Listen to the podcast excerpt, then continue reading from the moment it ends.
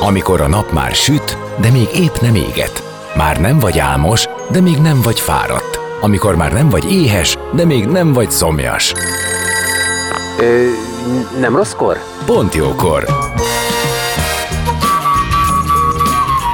Fényterápia Fehér Mariannal a Rádiókafén. Benne a nap embere, kitekintés a világra és búvárkodás a lélekben. Minden hétköznap délelőtt 10-től délig. Pont jókor! Szép napot mindenkinek, 10 óra elmúlt 10 perccel, én Fehér Marian vagyok, és már is kezdünk a Pontjókorral. A napembere lesz Böm György, Jászai Mari és Nádasdi Kálmán díjas színházi rendező és dramaturg, aki Dunaföldváron született, itt élte át az első és legmeghatározóbb színházi élményét, ami végleg eldöntötte, hogy mi érdekli. Miután a helyi Áfész színjátszói prezentálták a kultúrban a Marica grófnőt, minden élő színházi közvetítést megnézett a tévében, és színházasdit játszott. 16 évesen rendezett először, majd az elmúlt 5 évtizedben megjárta a szakma összes bugyrát. Nehéz lenne olyat mondani, amiről nem lehet vele beszélgetni. Zene után már is kezdünk, és csak bízom benne, hogy elegendő lesz az előttünk álló egy óra. Maradjatok ti is. A napembere. Most jöjjön valaki, aki tényleg valaki.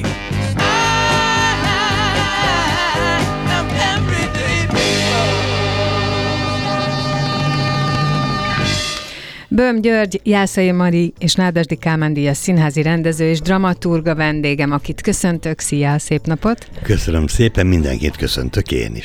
És azt mondtam, hogy remélem, hogy előtt, az előttünk álló egy óra elegendő lesz arra, hogy beszéljünk azokról a dolgokról, amik veled kapcsolatosak, nyilván csak egy szeletéről tudunk. Ezt is mondtam, az elmúlt 50 évben te megjártad a szakma összes bugyrát, sőt, kiszámoltam 54, lassan 54, mert hogy 16 évesen rendeztél először, de arra gondoltam, hogy talán a, meghatároznánk azt, csak annak, aki annyira nem tudja, hogy milyen dramaturg pontosan. E, annak idején Urfi koromban a dramaturgot úgy hívták el, hogy a boldogtalan kétéltő se nem rendező, se nem író. A kettő között, között. ott a parton próbál evickélni, vagy bejú, hogy bejusson a vízbe, vagy egy szép nyári napon a napsütésre.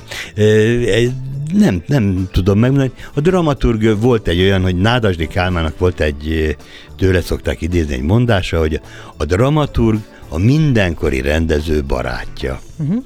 Tehát mindig tudomásul kell venni, amikor dramaturgi munkát végzek, illetve csinálok, akkor sosem kerül előtérbe a rendező bennem, mindig belehelyezkedem a bar, barátba, kollégába, vagyis a rendezőbe, az akkori rendezőbe. Aha, tehát ez egy más attitűdöt kíván bizonyos szempontból, meg hát nyilván egy másik pozíciót, meg egy másik látásmódot. Igen, igen. Ö, tehát nagyon fontos, hogy nem az történik, hogy most akkor nekem lesz egy vízióm, egy elképzelésem, egy fantasztikus dolog, amit létre akarok hozni a darabból, mint dramaturg. Természetesen igen, de csak és kizárólag a rendezőn keresztül. keresztül. Tehát uh-huh. belehelyezkedek a rendező világába, elképzelésébe, és tulajdonképpen én úgy gondolom, hogy ebben az esetben a rendezőnek, az a, a dramaturgnak az a dolga, hogy szembesítse a rendezőt az elképzelésében elképzeléseivel, hogy pontosan ott tart, tehát egy külső szem, és mhm. segít abban, hogy az legyen, amit a rendező szeretne.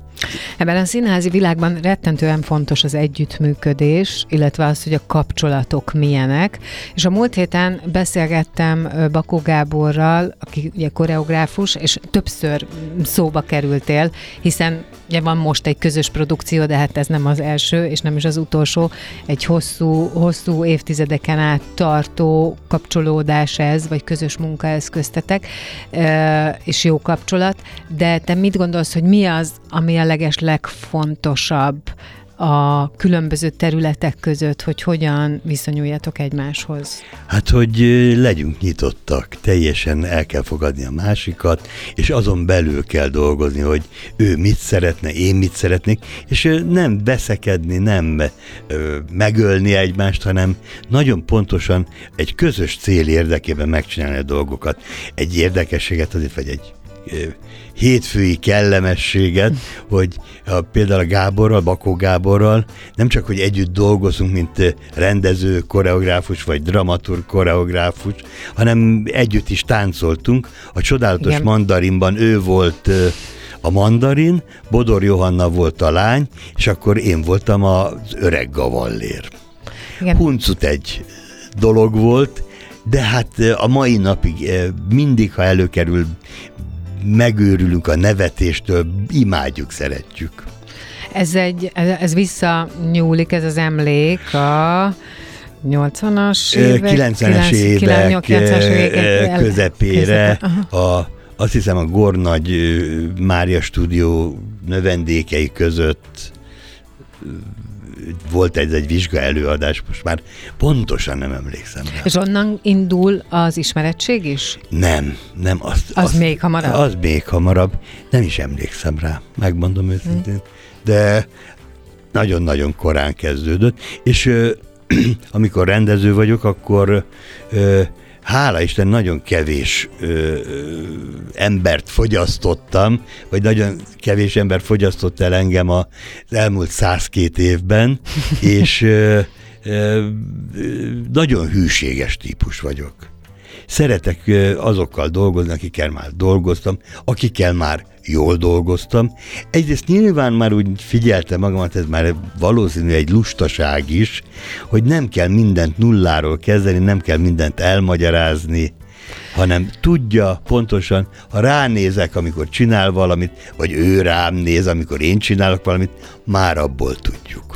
Na, azt tudod, hogy a rendezőket ilyen értelemben sokszor éri hát nem úgy kritika, hogy így direktbe, de hogy a színész világ az nagyon sokszor beszél arról, hogy ugye megvannak a rendezőknek azok a, a, az emberei, amit te is mondtál, akit már ismer, aki tudja, hogy dolgozik, és ezért aztán sokszor van olyan érzet, hogy zárt, bizonyos szempontból zárt ez a világ, és nehéz bekerülni egy-egy olyan produkcióba, ahol valakinek megvannak a, a számára fontos és általa általa jónak ítélt emberek. Nyilván ez az egy produkció kérdése is. Egyrészt produkció kérdése is, másrészt ember kérdése is. Csak mondok egy példát. Én teljesen nyitott vagyok, és mivel engem úgy neveltek, úgy tanítottak a mestereim, hogy a színházban a színész a legfontosabb, ezért nagyon-nagyon odafigyelek rájuk, szeretem őket, na, na, nagy, ők a csodák ők a csoda emberek a színpadon, mert lehetek én jó, lehetek én ilyen, olyan, amolyan, ha ők azt nem teljesítik, nem csinálják meg, és ők nem jók, akkor én nem is létezek. Hát hiszen igen, ők viszik ezt Igen, egészet. ők viszik a dolgot. Még csak mondok egy példát a szép nyári napban, amit a Veresegy Színházban ö, mutattunk be, és játszunk. Ö, Bajor Lili játsza a az egyik szerepet Margót, és őrá úgy gondoltam, hogy hát meg nem mondom, de 2018-ban vagy 19-ben láttam egy főiskolai vizsgát, ő Zsótér Sándor és Börcsök Enikő osztályába járt, és a Rákóczi úti épületben, egy osztályteremben volt egy mágnás Miska vizsga, és már nem tudom, hogy miért, hogyan, miképp oda keveredtem, és őt láttam, mint Marcsát, és egyszerűen annyira szerettem, tetszett meg, valahol a tudatalattiba, vagy a lelkembe, vagy mit tudom én, hogy hol, megmaradt, és most, amikor szó, ö, a szereposztásról szó esett, eszembe jutott, hogy ő lesz erre a szerepre a legjobb. Szerintem. Na ez a jó, amikor ugye folyamatosan látjátok, tájékozódtok, keresitek az újakat.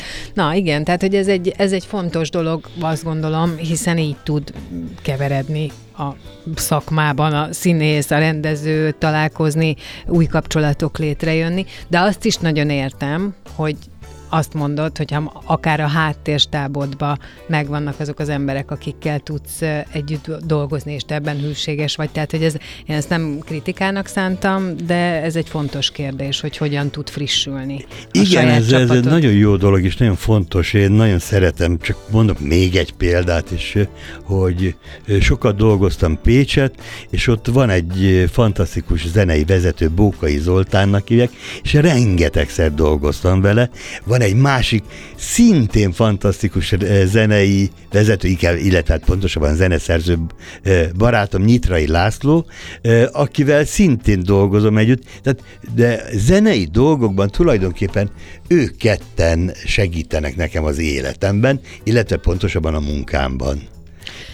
Na most a, ugye azt mondtam, hogy Dunaföldvárról indultál, és hogy ott élted át az életed meghatározó ö, eseményét, vagy a, a, a nullás köved ott volt, amikor Áfész, helyi Áfész?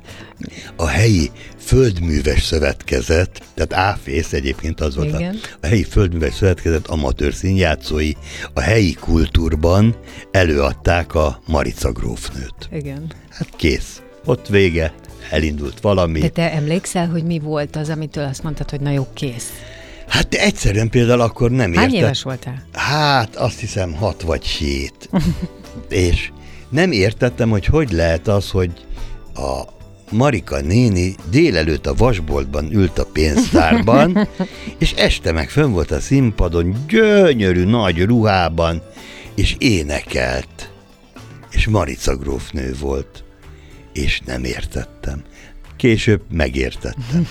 Vagyis azóta. Tehát ez volt a meghatározó élmény, és aztán 16 évesen rendeztél először, ez is ö, valami általad ö, megfogalmazott dolog. É, igen, a Pécset jártam gimnáziumba, a Lővei Klára gimnáziumban, igen, igen. és hát azért gondoljuk el, ne számoljuk ki, hogy mikor volt, hányban volt, de a hát két-háromszáz évvel ezelőtt Fernando Arabálnak a tábori piknik, igen, tábori piknik című forradalmi groteszkjét rendeztem a gimnázium a diák színjátszók között, imádtam, szerettem, mentünk vele helikonra, a keszelyen ez egy ilyen szemle volt, remek volt, pazar volt, és tulajdonképpen ezen gondolkodtam el a múltkor, hogy nekem van egy nagyon-nagyon erős vonzódásom az iróniához, az öniróniához a legtöbb, a groteszkhez, a kifordítottat, és tulajdonképpen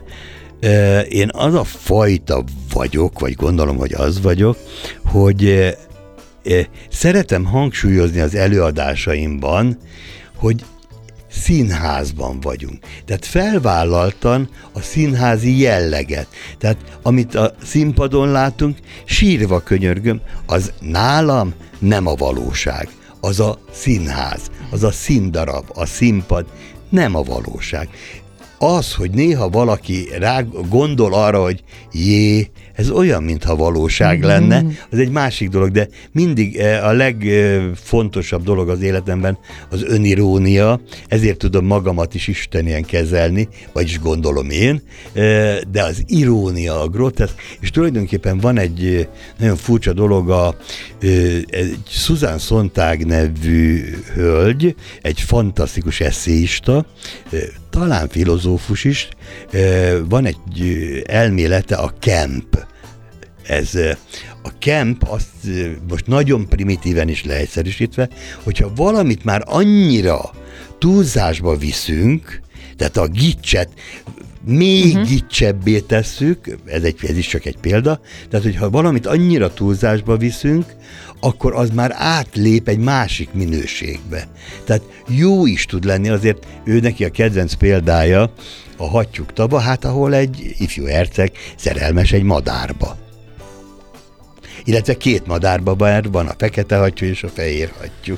Tehát, hogy ez, hogy felnagyítunk, meg eltúlzunk dolgokat, az segít abba, hogy ránézzünk az egyébként valóságra, de az nem az, amit a színpadon látunk, viszont közben ö, mégiscsak oda tartja Igen, nekünk. tehát annyira föl, Igen, igen, igen, fölnagyítódik a dolog, vagy illetve fölnagyítom, fölnagyítjuk a színészekkel együtt, hogy a néző, hé, tényleg színházban vagyok, de milyen fura, jaj, de jó, te atya úristen, hát ez olyan, mintha a valóság lenne. Hát így illetve belegondol el. ab- attól, hogy ö, egy fölnagyított dolgot lát. És egyébként ez az önirónia, amit amúgy te a saját életedben is használsz. Egyébként az a mondás rólad, hogy egy nagyon vidám ember vagy, aki szereti az életét, aki úgy, úgy éli, tehát megéli a dolgait.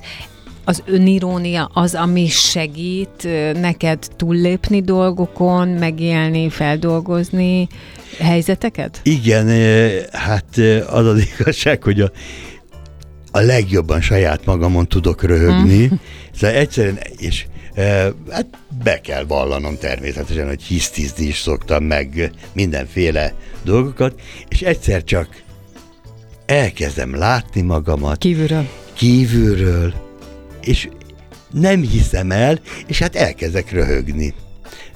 Előfordult már olyan, hogy valami miatt egy próbán nagyon fölnyomtam magamat, föl idegesítettem, vagy nem tudom, én hirtelen az indulat, nem kontrolláltam igazán magamat, és elkezdtem kiabálni, kiabálni, minden, meg van egy játék is azóta ebből, kiabáltam, és hála Isten, a, például az asszisztensem tudta, hogy ahogy befejeztem, rögtön elém állt, hogy ne lássák a színészek azt, hogy úgy elkezdek röhögni magamon, hogy atya úristen, én most az előbb itt kiabáltam, üvöltöttem, és miket csináltam, és el, röhögök. De hála Isten, ha, és az asszisztenseim ezt tudják, barátaim is, hogy elém állnak, és akkor működik a dolog, mert ugye semmi értelme nem lenne, ha kiderülne, hogy én tulajdonképpen utána röhögök magamon. Világos, értem. De ha valóban mérges és ideges vagy, akkor hogyan tudod magad megnyugtatni? Mi az, ami lehoz téged egy indulatról? Megoldom. Azt, azt amitől ö, kialakult bennem az, hogy indulatos leszek. Tehát akkor foglalkozol Lüke, igen, lüke leszek, butaságokat, lükkeségeket csinálok, akkor megpróbálom megkeresni, hogy mi az ok, és azt az okot nagyon gyorsan megoldani. Mert hogy azért ugye mondtam is, és te is, hogy nagyon sok helyen jártál, a szakmán belül is, rengeteg mindennel foglalkoztál, és hát ez alatt az idő alatt, amióta a pályán vagy, azért nagyon sokat változott a színházi világ. Igen, erről nem biztos, hogy úgy most, hogy így egy gyönyörű hét kezdetén eh, én lenne kedvem beszélni. Meg, Jó, csak hogy értem, hogy te nagyon sok helyzetnek Igen, voltál hát kitéve, ezért azt gondolom, hogy sok mindent kellett, nem kellett Eze- végigvenned. 1971. szeptember, és én beléptem a Víg Színházba, mint, eh, illetve eh, Mint segédmunkás? Vagy igen, nem, voltál? de először úgy mentem, oda mentem, hogy a Terike néni volt a portás, akkor Igen. eh, 71, igen, 71 volt, mert nem vettek fel az egyetemre, mert akkor én eh, E betűs voltam, tehát egyéb kategória, nem F betűs, mert ugye a fizikai dolgozók gyermeke, akkor plusz pontot kapott az egyetemi felvételihez. Eh, De én. E voltam, az egyéb, mert nem fizikai dolgozók voltak a szüleim, és nem, meg biztosan nem is érdemeltem volna meg, hogy fölvegyenek a... Uh-huh. Se a színművészetére nem vettek föl, se az eltére, a színművészetére azóta sem, úgyhogy Rendező diploma. Nincs, Nincs, rendező igen. dim- Nagyon sok papírom van, oklevelem, Tudom, diplomám, tudom. van ugye bölcsész diplomám, van marketing és reklámmenedzser diplomám, okleveles liftszerelő vagyok, Igen. ö, liftkezelő, bocsánat, nem szerelő. A kétnapos, a Igen, kétnapos uh, igen, mesterség. akkor ö, volt ö, ö, marxista, leninista ö, sz- ö, ö, filmesztétika szakosító, arról is van papírom, de kell, ja, és okleveles ö, narrátor vagyok, azt a British Council-ban végeztem, tehát, hogy tudok ö, látássérülteknek és vakoknak narrálni színházi előadást, kiállítást és filmet. Szuper. Úgyhogy ez azért jó egyébként nagyon furcsa, hogy volt már egyszer-kétszer, amikor csináltam, hogy egészen más nézést, rálátást enged bizonyos dolgokra. És nagyon fontos. De ezzel Hát hiszen mindig... végül is folyamatosan azt szeretnéd, hogy ez a valaki megértse, és ezért uh, nyilván úgy próbálod átadni. Igen, meg van egy ilyen vonzódásom, néha úgy érzem magamat, hogy ö, én vagyok a kalkuttai Gyuri apu, mert mindenkinek egy ilyen nagyon, tényleg egy nagyon lükepék segítőgép vagyok, hogy, de csak mondok egy példát, hogy már odáig jutott ez a dolog, hogy most Tesla kutyámmal, aki egy fantasztikus úr, labrador, örökbefogadott, járunk terápiás kutyaképzésre, úgyhogy terápiás kutyás szeretnék lenni, mert kicsit kezdem nem szeretni a színház körül, körüli csúnyaságokat, meg, meg nem értéseket, meg olyan kacsvaszokat, és ezért el szeretnék majd menni egy terápiás kutyásnak, és nagyon szeretnék autista és ADHD-s gyerekeket kutyával terápiázni. De akkor ezek szerint ő alkalmas erre? Tehát Igen. ha már a képzésnél tartotok, akkor Igen. már túl vagytok az ilyen... Ne, még azért De, nagyon az az, elején de az vagyunk. alkalmasságin? A, tehát az, abból még a vizsga nem volt, de úgy néz ki, hogy alkalmas lesz. Igen. Mert nem veszi el a vajas kenyeret, ha én nem engedem. A májkrémes kenyeret, ha én Igen, nem igen, engedem. igen, igen. Ez ugye vannak Igen. olyan alap ö, dolgok, amiket ilyenkor felmérnek, amit nem tudsz ö, ö, megtanítani, lehet finomítani, de mondjuk, hogyha ő fogja, és oda megy, és akármi történik, igen, és erőszakoskodik, igen. akkor De ugye nem, nem hát ő hála Isten nem ilyen. És hát ő, ez a kalkutai Gyuri apu, Ez egyébként egy nagyon szép ez szóval olyan szinten is van, hogy vannak körülöttem emberek, akiket nagyon szeretek, és nagyon sok ember van, akiket nagyon szeretek, de van, akiket segítek, van, akiket meghívok egy MR-ire, vagy egy CT-re, befizetek, ha nem sikerül nekik másképp. Van egy fantasztikus keresztfiam, fogadott fiam, őt két és fél éve operálták agydaganattal, és pont tegnap voltunk együtt ebédelni. Szóval, szóval nagyon jó az életem azért, mert, mert, mert- szeretek élni. Meg hogy szeretsz emberekkel Igen. magadat körülvenni és segíteni. Hát ott, inkább ez a legnagyobb problémám, hogy úgy ö, kezdtem elszomorodni, hogy úgy fogynak körülöttem az emberek. És itt most nem a halára gondolok, mert ugye a életem meghatározó barátja, a Korcsmáros György, akivel a uh-huh. szép nyári napot is együtt írtuk, meghalt októberben. Nem tudom földolgozni a halálát, de nem csak e- ezekre a dolgokra gondolok, hanem elfogynak emberek, megunnak, lehet, hogy az, hogy kezdek 102 éves lenni, ez más 102 jelent. az- éves, hogy egy nagyon szép évforduló jön nem sokára, egy kerek, de a százhoz még nincs köze. Ó, reméljük lesz majd. De nem, de nem tudom, és, és uh, imádom habzsolni az életet, szóval valami olyan szörnyű ez, hogy az ember nem vesz tudomást arról, hogy az az igazság, hogy 35 vagyok még mindig, és nem a duplája. De még az se. Még mindig nem. Még van egy kis időd. De, De értelek. és olyan jó, és hát azért nekem nagy-nagy mákon van a színészekkel, meg a színházzal, mert azért ott csoda emberek vannak. Épp most köszöntem meg, eh, eh, szombaton játszottuk a Ramban a szép nyári napot a Veresegy Színház, teltházal elképesztő sikerrel, és hát eh, megköszöntem a Facebook bejegyzésben a csoda embereknek azt, amit csináltak, mert elképesztő volt. Próbáltunk délután mindent. Ö, nem tudom, ö, lehet olyan reklámot mondani, hogy saját előadástról azt mondani, hogy majd lesz? Mármint a szép nyári nap? Igen. Hát ezt mi mondjuk, hogy lesz, hiszen ezt már én is mondtam a, a, a beharangozóba, hogy ennek kapcsán is beszélgettünk. Jó. És... Mert nem tudtam, hogy mert lesz még júniusban is a Ramban, úgyhogy tessék jönni, nézni. Nagyon jó lett. Abszolút. Nem- na, nem erre, miattam, na, erre bocsánat, akarok nem miattam kitérni. Erre akarok kitérni, mert hogy szerintem az egy olyan érdekes dolog, hogy erre a sztorira innen hogy nézzünk vissza. Zenélünk, és aztán jövünk, és folytatjuk a beszélgetést vendégemmel, Böm Györgyel, maradjatok ti is. A napembere. Most jöjjön valaki, aki tényleg valaki.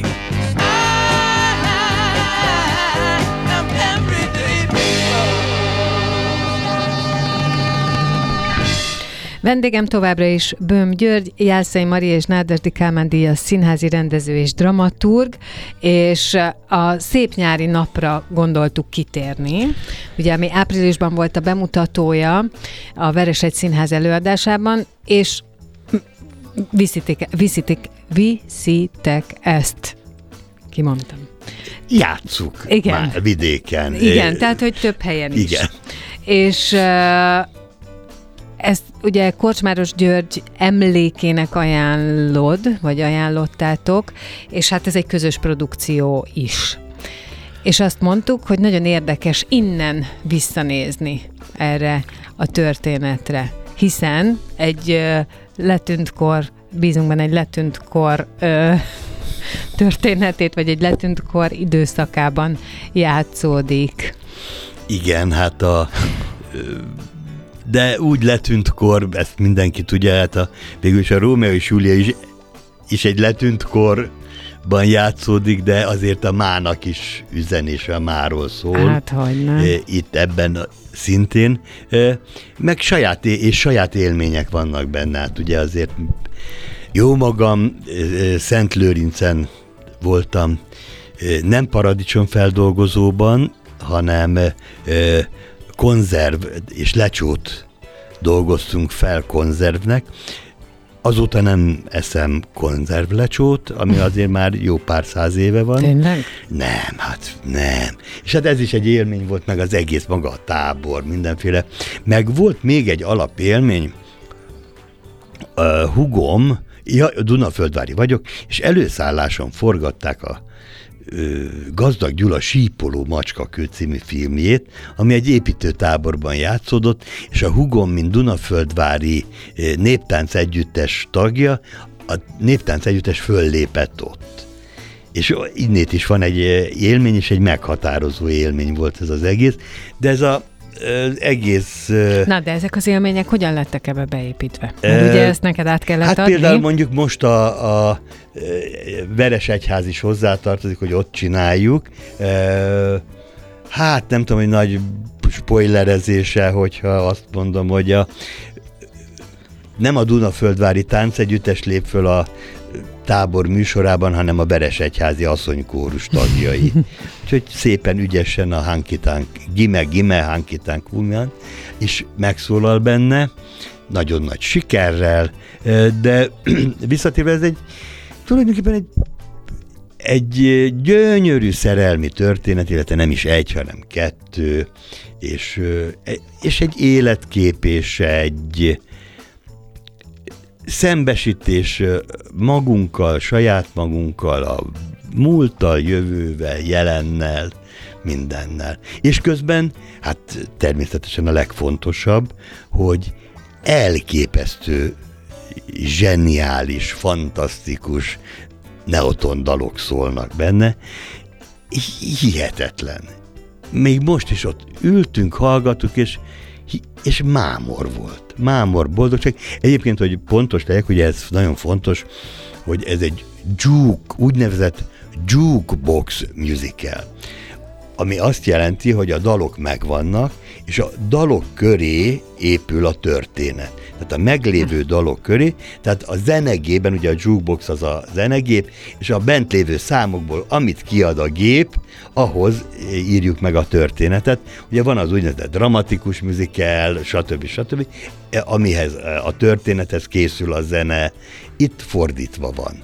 És ezért a meghatározó és a legfontosabb, hogy a zene világszám legyen. Tehát mi a történetünkkel, a darabunkkal lehetünk nem annyira jók, ha zseniális a zene. És ebben az esetben egészen fantasztikus a Pásztor 60 Jakab szerzőpárosnak a időtálló, dalai. és egyébként igen, és újra és újra játszható, és minden generáció által érthető dalok. De maga a, az előadás, vagy tehát a történet szerinted mit mond, vagy mit pendít meg azokban az emberekben, akik ezt értik, élték, és mit mond egy fiatalabb generációnak? Mert hogy ez, ez is, tehát maga az előadás is széles körbe tart érdeklődésre számot, tehát nem, nem biztos, hogy nekem kellett építőtáborba járnom ahhoz, hogy ezt Nem, értsem. nem, abszolút nem kellett itt ugye mindig probléma, hogy,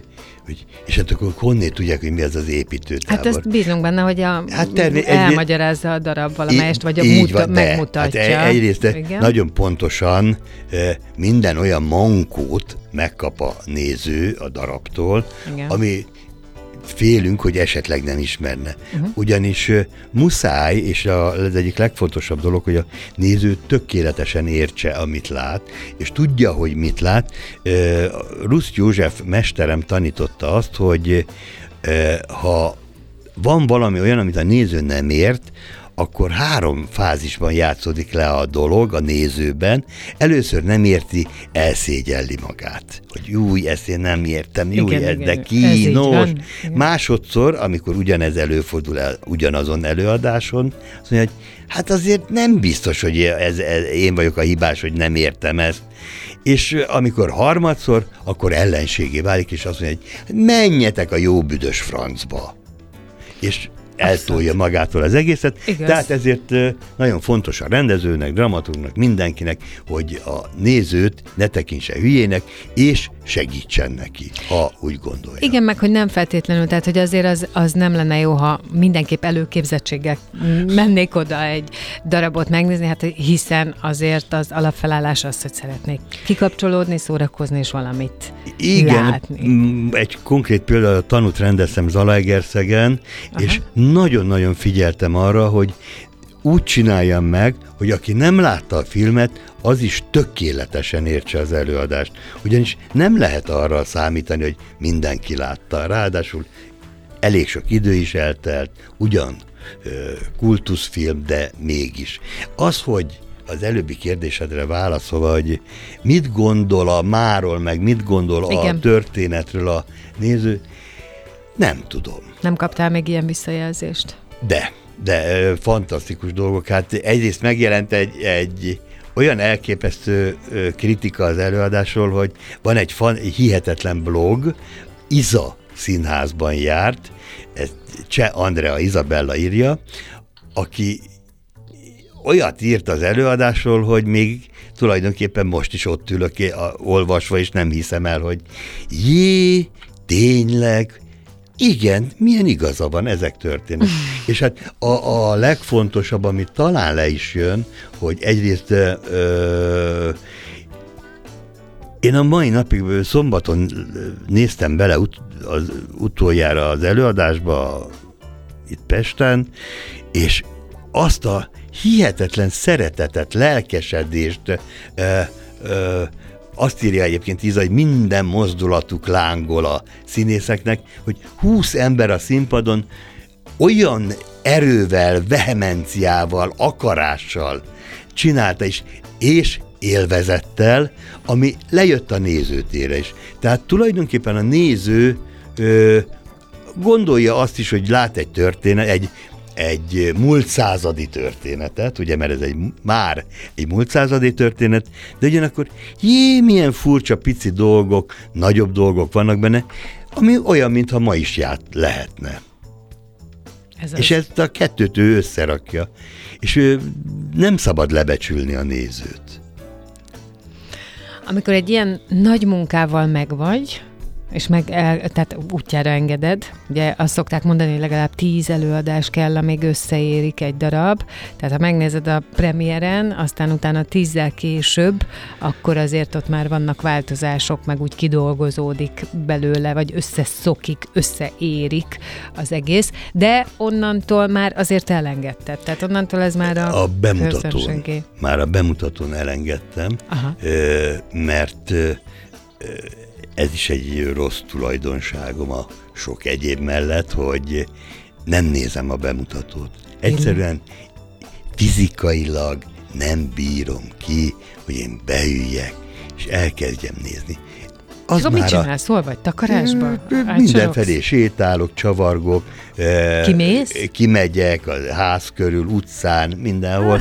Visszamegyek, és minden darabnak van öt olyan helye, amit meg szoktam nézni, mert abból az öt pillanatból tudom, hogy az egész milyen. Uh-huh. De nem nézem, viszont természetesen ez nem azt jelenti, hogy nem foglalkozom vele, mert nézem utána, a bemutatót nem nézem, utána belenézek, hallgatom, figyelem, a színészek kérdeznek, és mindig megbeszélünk mindent. Ráadásul én abszolút alkotótársnak tekintem a színészt, és ettől, hú, egy nagyképű dolgot hadd mondjak, nem esnek szét az előadásaim. Tehát attól, hogy nálam a színész a próbákon mindent kipróbálhat, és ami a kedvencem, lehet rosszalkodni.